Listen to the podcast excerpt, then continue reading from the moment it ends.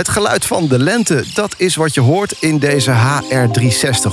Om erachter te komen of de wetten van de natuur ook gelden op de werkvloer, ben ik voor deze aflevering van HR360 in Dierenpark Amersfoort. Samen met gedragsbioloog Patrick van Veen werp ik een biologische blik op thema's als diversiteit, inclusie en gelijkwaardigheid. En vanuit de jungle starten we natuurlijk met opmerkelijk HR-nieuws van de afgelopen maand. Ik ben Bart Jankune en dit is HR360, een podcast van Mercer.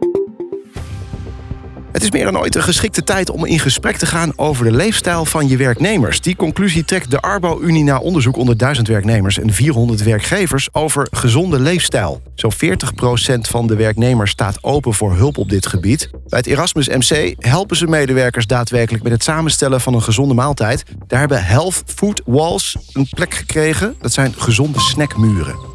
Vrouwen in de overgang dan, die krijgen extra aandacht in de nieuwe CAO voor de gehandicaptenzorg. Veel overgangsklachten worden onterecht met een burn-out verward. Een powernap tijdens werktijd nemen zou al veel kunnen schelen en wordt daarom vast onderdeel van de nieuwe CAO voor de gehandicaptenzorg. En de komst van kinderen zorgt nog altijd voor een gigantisch inkomensverschil, soms wel 45% tussen vader en moeder. Blijkt allemaal uit recente cijfers van het CBS. Driekwart van de vrouwen kiest voor een deeltijdbaan tegenover slechts een kwart van de mannen. En mede dat zorgt voor de grote inkomensongelijkheid. Terwijl het treintje in de verte aankomt naast het uh, apenverblijf. Uh, uh, Patrick, als je achter deze microfoon plaatsneemt. Ik, ik zag jou net op, op het raam van het apenverblijf tikken. Wat was je aan het doen? Nou, ik was eigenlijk gewoon een foto aan het maken. En ik wou gewoon mijn eigen spiegeling weghouden. Dus dat viel wel mee. Oh, ik denk je hebt contact aan het zoeken met, ja, met de groep. Want je kent ze eigenlijk best goed, hè, deze apen. Nou, ik, ik kom hier in Amersfoort denk ik nu bijna 20 jaar regelmatig. En uh, ik heb wel heel mooi ook de ontwikkeling van die groep gezien. Uh, lief en leed. Zoals je dat in een uh, familiegroep ziet, in een team ziet. Ja, dat heb ik hier de afgelopen jaren ook wel zien voorbij komen. Je bent gedragsbioloog? Gedragsbioloog, ja. Met als, als expertise de aap, primaten? Primaten de mens, hè, we zeggen wel eens uh, uh, de mens uh, als primaat. Nou, dat vind ik fascinerend om te bestuderen. Je hebt zelfs een managementbureau, Ape Management. Wat doe je daar? Nou, wat wij doen is wij proberen mensen mee te nemen om iets te leren over ons sociale gedrag. Die interactie die wij vertonen op de werkvloer. En dat doen we vooral door te kijken naar mensen maar ook naar apen. Want het bijzondere is dat oergedrag, die oerinstincten die ons nog elke dag beïnvloeden, waar we ook heel vaak heel effectief door kunnen zijn, ja, die zien we ook terug op die werkvloer. En uh, die proberen we mensen duidelijk te maken. Nou, laten we eens kijken door dat uh, grote raam hier van het apenverblijf in Dierenpark Amersfoort. Er gebeurt eigenlijk niet zoveel. Eigenlijk, eigenlijk zou je kunnen zeggen, je kijkt naar de gemiddelde werkvloer of niet? Nou, uh, ik denk dat de gemiddelde werkvloer uh, nog, nog rustiger is oh, als wat je hier ziet. Hè. Ik zeg altijd, stel je voor, uh, je zou als gedragsbioloog van een andere planeet komen. En dan zou je een gemiddeld kantoor binnenstappen. Waar je allemaal van die mensen naar zo'n hokje ziet kijken. Naar ja. zo'n doosje ziet kijken. Ja, wat zou dan je indruk zijn? Of mensen in een vergadering. En het is een beetje zoals hier. Iedereen heeft zijn vast plekje. Ja. Het zit allemaal op een vaste afstand. Af en toe loopt er iemand rond. En uh, ja, dat noemen we in mensentermen dan een vergadering. Nou, dat is het hier ook zo'n beetje. Laten we eens door jouw ogen naar dit apenverblijf kijken. Wat zie jij nu wat ik niet zie? Nou, als je kijkt achterin, hè, zie je twee individuen die lopen langs elkaar heen. Maar je ziet ook dat ze bijvoorbeeld even hun pas inhouden. Ja. En uh, dat ze ook op een bepaalde afstand van elkaar voorbij lopen. Uh, dan nemen ze voedsel mee, uh, hun handen vol. Ze zoeken hun eigen plekje weer op. En dat zijn die kleine sociale interacties. Het zijn sociale dieren. Wij mensen zijn ook sociale wezens. Ja. En de afstand die je bijvoorbeeld ten opzichte van elkaar houdt, dat, dat is al per groep vastgelegd. Hè? Je gaat niet zomaar ergens staan, je gaat niet zomaar ergens zitten. Uh, ik mag regelmatig op congressen of conferenties spreken. En dan Ja. zie je mensen voor de pauze op een plek zitten. En na de pauze pakken ze weer hunzelfde plek in. Dat doen die apen ook. Hè. Je ziet waar ze zitten. Eh, dat zijn vaste plekken. Je gaat niet zomaar ergens zitten. Nee, ben je gek. Je gaat weer zitten op een plekje waar je gisteren ook zat. Want anders raken we met z'n allen in paniek. Maar dit is dus niet iets wat op de werkvloer is ontstaan, maar wat eigenlijk dus al, al bestaat sinds er ja, apen zijn. Dat we, ja, we, we Nou ja. stammen af van de aap. de, de gouden regel in de biologie, biologie is eigenlijk: je moet ontzettend lui zijn. En wij, wij verwarren luiheid heel vaak met iets heel negatiefs. Maar luiheid is een overlevingsmechanisme. En dat betekent namelijk heel weinig energie verspillen. En dat is wat die apen doen door elke dag dezelfde plek te kiezen. Of door als er voedsel is, precies te weten wie als eerste in de rij aanschuift. Dat is geen luiheid, dat is gewoon een manier van energie besparen. Nou zijn we hier vandaag om wat te leren van die dieren daar in het apenverblijf. Over wat we zelf kunnen doen in ons dagelijks leven als werknemer of als werkgever. En dan begin je meteen met, nou ja, eigenlijk moet je gewoon lui zijn. Hoe, hoe, hoe vertaalt zich dat dan op de werkvloer? Nou, wat wij vaak vergeten is dat wij heel veel gewoontes hebben. Ja. Dus wij doen een heleboel dingen. Mensen beginnen hun werkdag het ochtends. En dan uh, klappen ze hun laptop open. En dan beginnen ze eerst eens de e-mail te lezen. En dan gaan ze een bak koffie erbij pakken. We doen heel veel dingen conform allerlei gewoontes die we ontwikkeld hebben. En daar zijn we ook heel vaak negatief over. Maar het belang van gewoontes is, is dat je ook gewoon heel efficiënt met je energie omgaat. En dat klinkt vreemd, uh, maar dat is wel belangrijk. Een nadeel daarvan is, is het doorbreken van gewoontes, de dingen die we al honderd jaar op die manier soms bij wijze van spreken uh, doen. Uh, dat is ook een mechanisme waar we heel vaak last van hebben. En dat betekent het doorbreken van gewoontes, de dingen die we altijd doen zoals we ze doen, kost energie. En dat is ook de reden waarom veranderen uh, een andere manier van werken. Uh, de organisatie anders inrichten. Dat is niet iets wat makkelijk gaat, maar dat kost gewoon energie. Hebben we daar ook het, ook het grootste verschil meteen te pakken? Want als ik om me heen kijk binnen bedrijven, dan is er vaak een enorme drang tot verandering. Innovatiemanagers, die, die kom je overal tegen. De ene na de andere uh, persoon met een C in zijn naam wordt, wordt aangesteld om, om ook daadwerkelijk dingen op een andere manier te gaan doen. Ja, Terwijl jij dat... zegt van ja, maar eigenlijk kunnen we dat helemaal niet. Ja, we kunnen dat wel. Maar het feit dat we die mensen moeten aanstellen. Uh, uh, geeft eigenlijk al aan dat we helemaal niet willen veranderen. En, en de kern is, overigens, we willen wel veranderen. En dat heeft bijvoorbeeld, ik denk, één belangrijk element wat we vanuit de coronatijd hebben kunnen leren. Is dat mensen ook echt wel willen veranderen op het moment als er een crisis is. Uh, op het moment dat er een noodzaak is. Dan zie je ze ineens in beweging komen. Zoals het treintje van het dierenpark. Laten we even zwaaien, dat is mooi hè? Zoals het treintje nu ook in beweging komt. Dus om die trein in beweging te krijgen, moet je mensen aanstellen.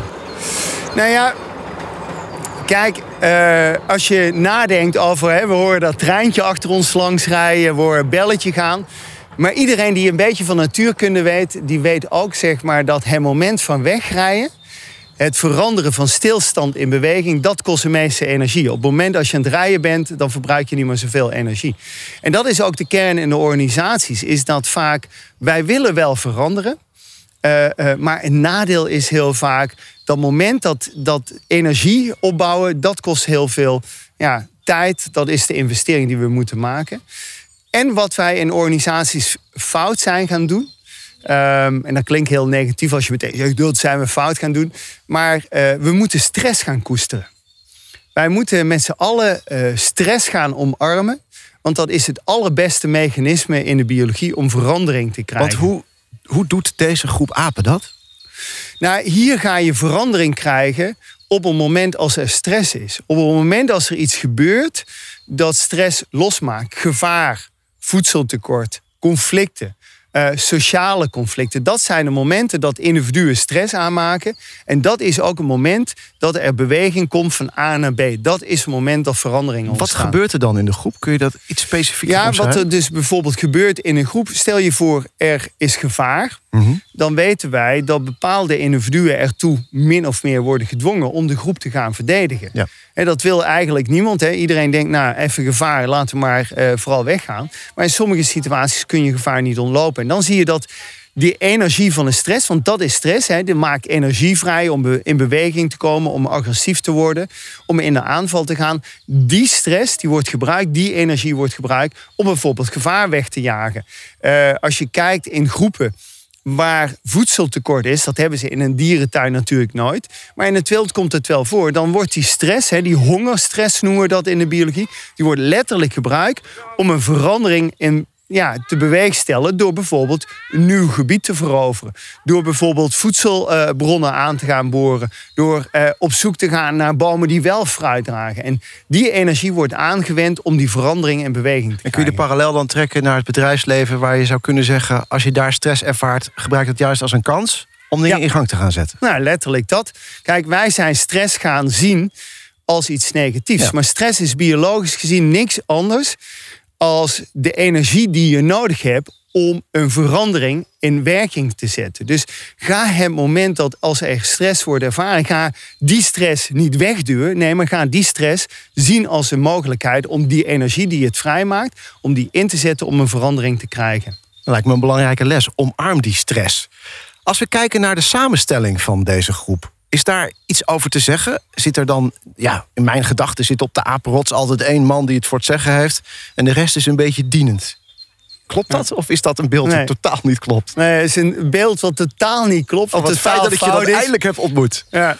Nee, ik, ik, ik, ik moet heel eerlijk zeggen, ik kom heel vaak mensen tegen die gaan met mij de dierentuin in. En hun beeld van de organisatie bij de apen is, daar zit één grote baas. Ja. Eh, eigenlijk zoals we dat bij de gorillas zien, zo'n zilveren gorilla die zegt... hè, ben- Ik ben de leider Precies. hier, ik ben de grote baas. Die slaat de vrouwen af en toe. En dan weet iedereen in welke richting ze moeten bewegen. Dat beeld is totaal fout. Bij de apen, eh, daar zie je, bij de meeste apensoorten moet ik zeggen, zie je eigenlijk dat er een soort model is waar je veel meer kwaliteiten nodig hebt. Het probleem is namelijk, bij gorillas is dat letterlijk zo. Je hebt één volwassen kerel en die is de baas van een groep. Maar nadeel daarvan is, is dat je ook heel erg kwetsbaar bent als groep. Want ja, als er een grote uitdaging is en de grote leider heeft geen antwoord op de vragen die gesteld worden, ja, dan ben je als groep heel kwetsbaar. Dus eigenlijk zie je dat bij de meeste apensoorten, zowel mannen, vrouwen, jonge mannen, oude mannen, kleine mannen, grote mannen, grote vrouwen, kleine vrouwen, ze hebben allemaal hun rol in die groep. En door die diversiteit en rollen kun je ook met elkaar overleven. Dus die diversiteit in het dierenrijk is wel degelijk te vinden. Nou, diversiteit in het dierenrijk is een overlevingsstrategie. Het moet er zijn. Het moet er zijn, omdat heel simpel, kijk, bij die chimpansees, die mannen zijn groot. Die zijn sterk, Ja. iets groter, iets sterker als de vrouwen. Eh, maar daardoor kunnen de mannen bijvoorbeeld de groep verdedigen. Als er gevaar is, gaan die mannen die groep verdedigen. Maar die coalitie die die mannen vormen om de groep te kunnen verdedigen of een territorium te kunnen afbakenen, eh, levert ook heel veel sociale complexiteit op. En dan zie je bijvoorbeeld dat die vrouwen, die chimpansee-vrouwen, die zijn bijvoorbeeld meesters in eh, het, het verzoenen. Hè, zijn er conflicten tussen die mannen, gaan die vrouwen ervoor zorgen dat die mannen weer bij elkaar gaan zitten en een conflict gaan oplossen. En die hebben daardoor een belangrijke rol. Mannen zijn een beetje de individuen die komen aanwaaien en die waaien er weer uit. Ze blijven weliswaar in de groep, maar zijn heel instabiel in hun sociale gedrag. Vrouwen zorgen voor wel- stabiliteit. Als diversiteit, maar het klinkt niet als gelijk. Iedereen heeft wel een, echt een andere rol. En zeker als ik het ook hoor, mannetjes versus de vrouwtjes. Ja, niemand is gelijk. Ik vind gelijkheid ook een utopie die heel gevaarlijk is. Eh, bij, bij gelijkheid, dan, dan denken wij ook heel meteen... iedereen heeft dezelfde rechten. Iedereen heeft ook dezelfde plichten. Terwijl de kracht juist bij dit soort groepen erin zit... is dat iedereen ook andere plichten heeft, maar ook andere rechten heeft. En wat kunnen werkgevers daarvan leren? Want er is natuurlijk een felle discussie op dit moment gaande over gelijkheid, inclusie op de werkvloer. Iedereen zou dezelfde verantwoordelijkheden moeten kunnen dragen en ook moeten kunnen krijgen. Terwijl als je kijkt naar deze apenrots, waar die toch wat complexer in elkaar zit dan ik aanvankelijk dacht, dan zijn er dus wel degelijk soort, een soort van vaststaande structuren ook te vinden. Ja, wat je ziet bij chimpansees is dat mannen en vrouwen hebben andere kwaliteiten. En, en soms zijn die kwaliteiten gekoppeld aan de seksen, hè, dus aan de mannen Ja. of aan de vrouwen. Soms zijn kwaliteiten gekoppeld aan de leeftijd. Hè. Je ziet dat pubers bepaalde kwaliteiten hebben die de volwassenen niet meer hebben. Capaciteit en kwaliteit om bijvoorbeeld te kunnen leren, nieuwe dingen te ontdekken, eh puzzelboxen te openen. Dat kunnen die pubers veel beter dan die oude knarren. Ja. En wat je dan ziet is dat die groep gebruik maakt van die diverse kwaliteiten. Dat is bij chimpansees heel erg verdeeld in leeftijd en geslacht. Terwijl als je bijvoorbeeld kijkt bij andere apensoorten, kan dat weer op een heel ander niveau zitten. En ik denk dat wij ons heel vaak vastbijten in de zin hè, van iedereen moet een bepaalde gedeelde verantwoordelijkheid kunnen nemen. Terwijl we hier heel erg kijken, wat is jouw individuele capaciteit, kwaliteit? En die wordt dan ook uiteindelijk in de groep ingezet. En dat is ook wat je bedrijven meegeeft als je ze hiermee naartoe neemt om eens te kijken naar wat gebeurt er in zo'n groep? Nou ja, ik, ik neem mensen letterlijk wel eens mee om ook de vraag te stellen. Maar wie zijn bij jullie? Nou, als je hier kijkt, dan zie je van die kleintjes, van die jonge individuen, die hebben van die witte haren op hun stuitje. Ja. Dat zijn de jonge etterbakken. Die lopen voortdurend de oudjes uit te dagen. die lopen voortdurend de grenzen op te zoeken. En dan zeg ik ook letterlijk, maar wie zijn bij jullie nog die individuen met die witte stuitjes, met die witte puntjes haar, plukjes haar, die tegen de manager zeggen: Ja, maar jij roept dit nu wel. Maar klopt dat eigenlijk wel? Ik wil dit gaan onderzoeken. Ik wil die grenzen gaan verkennen. En dat is een kwaliteit die deze groep koestert, omdat die op bepaalde momenten van toepassing kan zijn. Uh, wie, wie zijn bij jullie die, die alfa-vrouwen, die dominante vrouwen, die af en toe die dominante kerels uh, terechtwijzen, maar die er ook bijvoorbeeld voor zorgen dat als er conflicten in de groep zijn, dat die conflicten wel weer hersteld worden. Want daardoor krijg je ook weer rust en ontspanning in de groep. Ik vind het interessant wat je zegt. Want als je goed rondkijkt en luistert naar de discussie op de werkvloer, wordt er vaak ook gezegd over dit soort gedrag. Je hebt bijvoorbeeld over alfa-vrouwen of alfa-mannetjes. Dat dat niet meer getolereerd of geaccepteerd mag worden anno 2022. Dat je eigenlijk gewoon ja, ruimte maakt voor elkaar op een gelijkwaardige manier en daar ook je toon op aanpast. Ja, maar dat, dat impliceert dat mensen ook allemaal gelijkwaardige capaciteit hebben. En dat is niet zo. En dat, hoe je het ook wendt of keert, wij tweeën hebben andere kwaliteiten. We hebben andere capaciteiten. En wat we zien in de biologie uh, bij apensoorten, en dan zie je als je hier in een park rondloopt, bijvoorbeeld bij de bavianen nog veel verder ontwikkeld, of bij uh, de Japanse makaken, is dat iedereen of elke soort maakt gebruik van de diversiteit die in die groep aanwezig is, maar ook de diversiteit aan kwaliteiten. En, en dat is wel een belangrijk goed, want daarmee kun je ook als groep sterker worden. Daarvoor maken we HR360 met een duidelijk andere kijk op HR eh, zoals we die kennen. Uh, zometeen kom ik bij je terug, Patrick, want dan ga ik aan jou vragen om eh, ja, eigenlijk drie belangrijke take-outs uit dit gesprek met ons te delen. Drie bullet points, die nemen we na elke aflevering mee. We gaan eerst eens luisteren naar Medtronic. Bij dat bedrijf gaan ze dagelijks de strijd aan met meer dan 70 gezondheidsproblemen. Door hun medische technologische oplossingen verandert daardoor elke seconde het leven van twee mensen. Dick Peuten werkt daar bij Medtronic en met oprechte aandacht lever je als werkgever pas echt een bijdrage aan de maatschappij, zegt Dick in zijn verhaal. De laatste decennia is onze levensverwachting flink gestegen.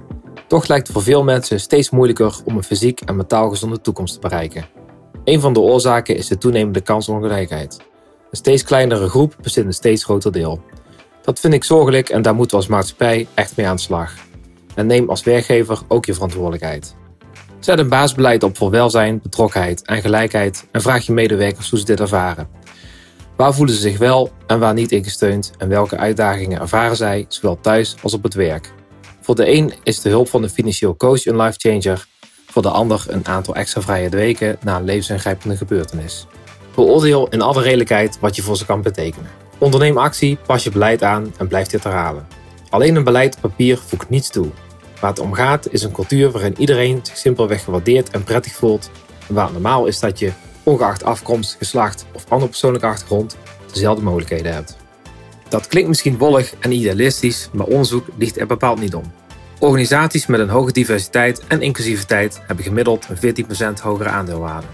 Inclusieve teams leveren betere teamprestaties tot wel 30% en maar liefst 76% van de werkzoekenden geeft aan dat een diverse organisatie een belangrijk onderdeel is in een keuze voor een nieuwe werkgever. Dat zijn de feiten waarmee je aan de slag kunt. Geef het die aandacht en lever als werkgever een mooie bijdrage aan de maatschappij. Oprechte aandacht, daar ging het over in eh, de column van eh, Dick Peuten van Medtronic bij oprechte aandacht en chimpansees denk ik toch vooral ja, aan, dat, aan dat millimeterwerk, aan dat, aan dat vlooien. Doen chimpansees het ook? Ja, en weet je wat het mooie is? Ze hebben helemaal geen vlooien. Nee? Ze hebben helemaal geen parasieten. Uh, weer zo'n zo'n aanname, hè? Ja, klopt. ja, dat zijn van die vooroordelen die we hebben. Maar het bijzondere is, door het plukken aan die haren En dat doen ze echt minutieus, maken ze endorfine aan. Wat is het mooie van endorfine? Word je een beetje slaperig, je wordt een beetje suftig ervan. En het voordeel daarvan is, is dat je ook aan elkaar laat zien dat je elkaar vertrouwt. Want als ik de ogen sluit, de rug naar jou toe keer, en ik, ik, ik laat jou aan mijn haren plukken, dan moet ik jou 100% vertrouwen. Dit is hoe chimpansees relaties opbouwen. Dit is hoe ze elkaar aandacht geven. Nu hoorden we Dick echt een, eh, een basisbeleid schetsen om aan de slag te gaan met specifieke wensen en behoeften van werknemers. Maar eh, zeker geen, geen vast model, geen stoffig beleid en dus geen vaste patronen. Nu is dit wel een heel mooi vast patroon. Die oprechte aandacht die chimpansees voor elkaar hebben. Hoe, hoe kijk jij naar patronen? Nou, hier sla ik wel op aan. Want dit is een thema die uh, in de biologie, in dierentuinen, uh, in zorg voor apen die wij als mensen hebben, uh, ontzettend belangrijk is. Dit gaat over welzijn. Um, en welzijn is een ontzettend belangrijk thema. En daar zien we de laatste vijf, tien jaar zien we daar ook een hele grote verandering. Vroeger zeiden we een chimpansee heeft dit nodig. En dan tekenen we een verblijf en zeiden we dit is fantastisch. En dan kan een chimpansee gelukkig worden. Vandaag de dag zeggen we welzijn is iets wat we doen op individueel niveau. We kijken vandaag de dag naar individueel welzijn. En dat betekent dat de ene chimpansee die wil uitslapen tot 9 uur. En de andere chimpansee die wil het ochtends als de eerste vogels beginnen te, te fluiten, wil ze al naast zijn nest staan. De ene chimpansee houdt van bananen, maar de andere die houdt van appels. Zijn er chimpansees die niet van bananen houden? Ja, er zijn werkelijk chimpansees die niet van bananen houden. Nou, nog één aanname. Chimpansees eten van nature helemaal geen bananen. Want die groeien niet in het oerwoud waar chimpansees leven. Dus uh, uh, nou, die kun je ook nog meenemen als aannames. Maar het mooie is, welzijn gaat over het individu. En de een heeft andere dingen nodig als de ander. Ik zeg wel eens, als ik een medewerker heb in een licht autistisch spectrum... Uh, die wil misschien gewoon zijn vaste werkplek. Die wordt nerveus van al die flexplekken. Terwijl de andere persoon interesseert het helemaal niet. Die vindt het prima om ergens in de kantine te zitten... met zijn laptop onder de arm. En die wordt daar juist gelukkig van. En de een die wordt gelukkig van uh, uh, en de andere die wil gewoon van die prut uit de automaat hebben als mensen daardoor gelukkiger worden, waarom maken wij ons dan zo druk om allemaal van die uniforme modellen uit te zoeken? Welzijn gaat over het individu kan zoveel van jou leren. Nu heb je ook nog drie belangrijke lessen uit deze uitzending voor ons apart gehouden. Drie bullet points waarmee we elke aflevering van HR360 afsluiten. Wat heb je opgeschreven? Nou, de eerste uh, die ik mensen meegeef is dat het allerbelangrijkste is de relatie. We hebben onderzoek gedaan naar bijvoorbeeld samenwerken bij chimpansees. We hebben onderzoek gedaan naar uh, uh, hoe kunnen zij complexe taken vervullen. En wat wij zien is de relatie tussen individuen is alles bepalend. Nou, we hebben al genoemd het vlooien wat chimpansees doen. Maar ik denk dat aandacht voor de relatie, de verbinding tussen mensen, die wordt soms zelfs onderschat. Dat is dat kopje koffie in je ochtend. Dat is vragen, hoe gaat het vandaag ja. ermee? Oprechte aandacht hebben we vandaag ook al voorbij horen komen. Ik denk dat dat belangrijk is. Um, de tweede wat ik uh, altijd meeneem is dat... Weet jij wel welke chimpansees je in je groep hebt? En chimpansees, in onderzoek hebben we wel eens ontdekt dat chimpansees weten precies waar alle individuen goed in zijn. We hebben wel eens ooit puzzelboxen, dat zijn van die kisten, daar kun je noten uithalen, maar daar heb je trucjes nodig. En ik heb wel eens een groep meegemaakt, dan wist het alfamannetje precies, ik moet het allerlaagst geplaatste vrouwtje in mijn groep hebben om die noten uit die kist te kunnen halen. En als hij die kist zag, dan ging hij op zoek naar dat vrouwtje en zij ging die taak vervullen. Ja. En dan gingen ze samen die noten uit die kist delen. Weet jij precies wat al die kwaliteiten in jouw groep zijn? Wat elke medewerker kan, niet alleen op het werk, maar soms ook in het privéleven. Maar de tweede vraag daarbij is natuurlijk ook welke kwaliteiten heb je uiteindelijk nodig? Weet jij wat de complexiteit van die puzzelbox is en hoe ga je daarmee om? Ken je groep, maar ken ook de uitdagingen waar je voor staat. Um, en het derde punt, de derde bullet.